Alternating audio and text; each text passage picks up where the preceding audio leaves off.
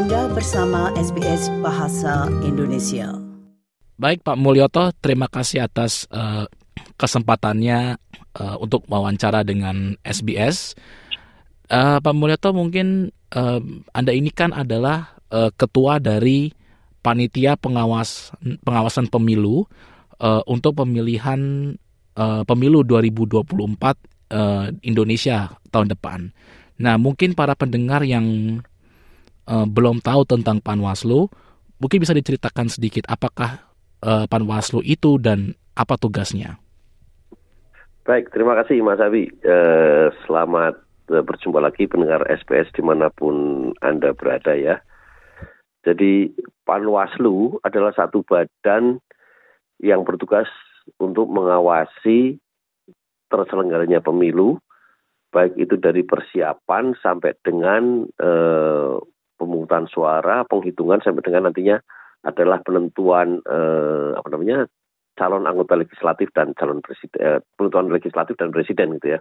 Itu jadi eh, sebanyak itu tugasnya. Nah lalu tugas Panwaslu itu sendiri adalah jadi Panwaslu itu adalah satu badan eh, dan di pusat ada istilahnya namanya Bawaslu yaitu Badan Pengawas Pemilu. Sedangkan di bawahnya adalah Badan Pengawas Pemilu Provinsi tingkat dua dan kami di Melbourne itu eh, disetarakan dengan kecamatan ya. Kalau itu disebutnya Panwaslu, Panitia Pengawas Pemilu. Nah, tugas Panwaslu adalah eh, mengidentifikasi dan memetakan potensi pelanggaran pemilu di wilayah kerjanya, kemudian melakukan koordinasi, supervisi, ya, membimbing dan mengevaluasi penyelenggaraan pemilu di wilayahnya dan juga melakukan penindakan jika memang ditemukan adanya pelanggaran atau potensi kerawanan yang ada di baik persiapan, pelaksanaan, pelaksanaan maupun setelah pemilu itu sendiri. Eh, dari data yang uh, dikeluarkan ya dari berbagai sumber mengatakan ya. bahwa uh, hampir 50 persen uh, calon pemilih adalah mereka yang berusia milenial, artinya yang Kisa, ya kisaran di antara 17 tahun ya sebagai usia minimal untuk memilih sampai ya. sekitar 30 30 tahunan. Nah, ya. Anda melihat bagaimana Anda melihatnya? Melihat potensi uh, pemilih pemilih muda ini, terutama mereka yang mungkin baru akan mencoblos pada pemilu tahun ini? Baik, terima kasih. Ini pertanyaan yang sangat menarik ya. Jadi memang eh, saat ini di kota Melbourne itu di wilayah kerja Panwaslu dan PPLN Melbourne itu cukup banyak jumlah pemilih pemula yaitu orang yang baru pertama memilih ya. Jadi ketika pemilu 2019 usianya belum 17 sehingga mereka tidak bisa memilih dan sekarang baru masuk 17 jadi mereka yang berusia antara 17 sampai dengan uh, 23 tahun ya mereka cukup banyak karena kebanyakan dari mereka adalah para mahasiswa dan juga anak-anak yang ikut orang tua bekerja dan sebagainya. Nah memang mereka adalah eh, banyak ya. Jadi para partai maupun calon presiden banyak menyasar mereka memilih mereka karena dianggap katakanlah mendapatkan pemilih pemula itu suaranya sudah cukup signifikan ya. Dan mereka itu kan memang e, secara info, mereka sangat well informed dari gadget dan sebagainya ya. Jadi memang oleh karena itu pemilu sekarang ya kalau dibandingkan pemilu-pemilu tahun 80 90 awal 2000 itu informasi di dunia maya itu belum sebanyak seperti yang kita jalani sekarang ya jadi kita alami sekarang. Itu kita kita lihat sekarang sudah banyak sekali yang tahu-tahu share eh, baik itu WhatsApp, Instagram, Facebook dan sebagainya eh, mengenai calon yang mana, calon yang mana, partai yang mana, bagaimana dan sebagainya. Dan ini ini memang sangat mudah sekali masuk ke para pemilih milenial. Nah yang perlu kita perhatikan memang pemilih milenial itu harus betul-betul waspada ya karena mereka mungkin belum berpengalaman ya baru melihat terus oh ini kok ini begini gitu ya nah ini yang yang kita juga harus berhati-hati jangan sampai mereka eh, apa namanya memberikan pilihan tanpa memikirkan siapa sih mereka sebenarnya yang kita pilih gitu loh oleh karena itu dari PPLN dan Panwaslu juga berusaha mengadakan pendidikan ya pengarahan kepada para eh, pemilih pemula supaya mereka betul-betul paham eh, apa sih yang harus kita lakukan pada saat pemilu, bagaimana sih cara memilih dan sebagainya. Jadi mereka tidak mudah terpengaruh oleh eh, kampanye-kampanye atau hasutan-hasutan yang apa namanya mungkin akan eh, menimbulkan ketidakstabilan gitu ya, potensi kerawanan istilahnya demikian. Oke, uh, tadi Pak Mulyoto sendiri mengatakan bahwa uh, para pemilih muda khususnya mereka yang akan baru pertama kali memilih mungkin mereka kurang berpengalaman atau mereka mungkin uh, tidak mungkin tidak mengikuti uh, apa namanya perkembangan politik atau mereka mungkin masih kalau dalam kata anak muda bilang masih agak labil itu untuk memutuskan gitu kan artinya kan mungkin akan ada potensi untuk mudah dipengaruhi oleh uh, beberapa pihak-pihak tertentu ya, pihak-pihak yang memang mencalonkan diri untuk ikut di pemilu baik itu presiden maupun pemilu legislatif. Nah, ya. bagaimana Panwaslu sendiri memastikan agar uh, tidak ada terjadi yang namanya mungkin money politik atau mungkin black campaign yang mempengaruhi eh, anak-anak muda dalam memilih. Nah ini terima ini tantangan sangat berat bagi kami ya, baik itu Panwaslu maupun PPLN dan itu diakui ya bahwa gencarnya informasi yang masuk itu memang betul-betul eh, bukan di luar apa ya, eh, bukan di luar kemampuan ya, tapi memang sangat luar biasa ya. Jadi kita bisa melihat bahwa seorang menyebar berita lewat WhatsApp, masukkan satu grup isinya 200 orang, 200 orang itu nyebar lagi ke grup lain yang isinya mungkin 200 orang lagi. Nah itu dalam waktu hitungan menit detik itu detik menit itu sudah sudah ribuan orang menerima itu, ya.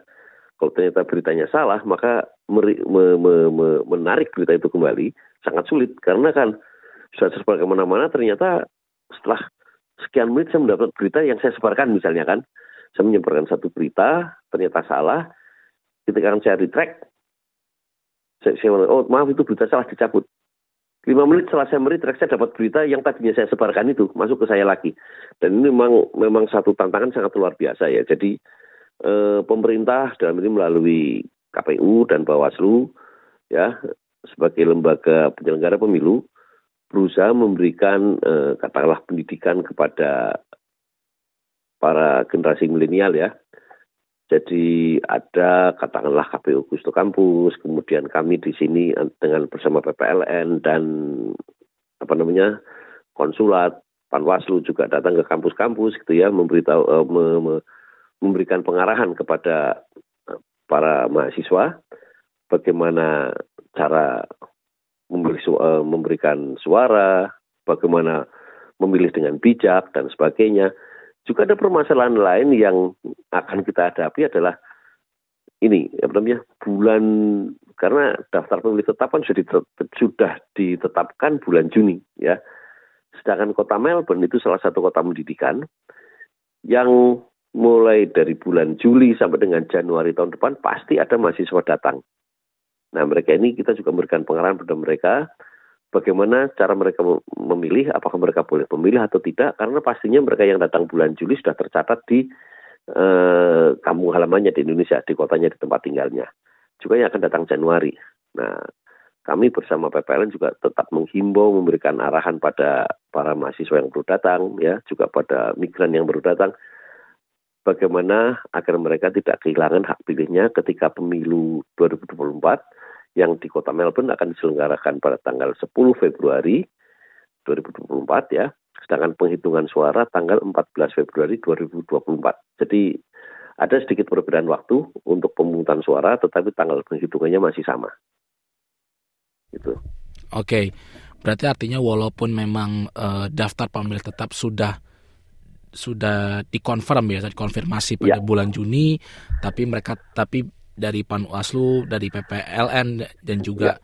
konsulat tetap memberikan himbauan ya karena ya. seperti betul saya, saya setuju dengan kata Pak Mulyoto karena memang um, dari tempo waktu sampai Januari nanti memang akan ada lagi mahasiswa-mahasiswa baru ya yang akan mulai uh, belajar datang. di, ya, Australia itu. Ya, sama halnya seperti saya waktu dulu datang di 2019 saya juga ya. uh, berpindah ya dari ya. tempat kampung halaman saya sehingga bisa memilih di Melbourne. Oke. Okay. Iya.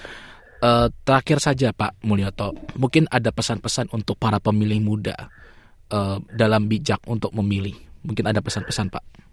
Ya, jadi untuk para pemilih muda ya terus milenial, uh, saya sarankan jangan mudah ter apa ya tergoda atau terpengaruh oleh berita-berita yang masuk ya. Setiap kali ada berita masuk, silahkan dianalisa. Apalagi sekarang kalau untuk mengecek apakah ini berita benar atau tidak, bisa kita cek lewat Google, lewat eh, apa tes untuk hoax atau bukan gitu kan. Jadi jangan langsung percaya saja gitu ya. Jadi kalau istilah orang Islam suruh tabayun gitu ya, dicek dulu benar nggak nih beritanya. Kalau memang betul ya silahkan dan kalau itu memang sesuai dengan hati nurani Anda, silahkan gitu ya. Jadi jangan memilih karena emosi yang sesaat ya, atau karena wah ini katakanlah eh, bolehlah kita mulai karena saya punya saudara di partai ini maka saya pilih partai tersebut silahkan ya itu itu pilihan masing-masing gitu kan. Tetapi yang pasti janganlah memilih dengan emosi. Nah kalau misalnya ada terjadi kecurangan atau misalnya uh, kita mengetahui ada praktek-praktek untuk ya mungkin menyuap atau mempengaruhi anak muda atau yeah. mungkin tadi dalam bentuk hoax, bagaimana yeah. melaporkannya? Apakah kita ah, bisa baik.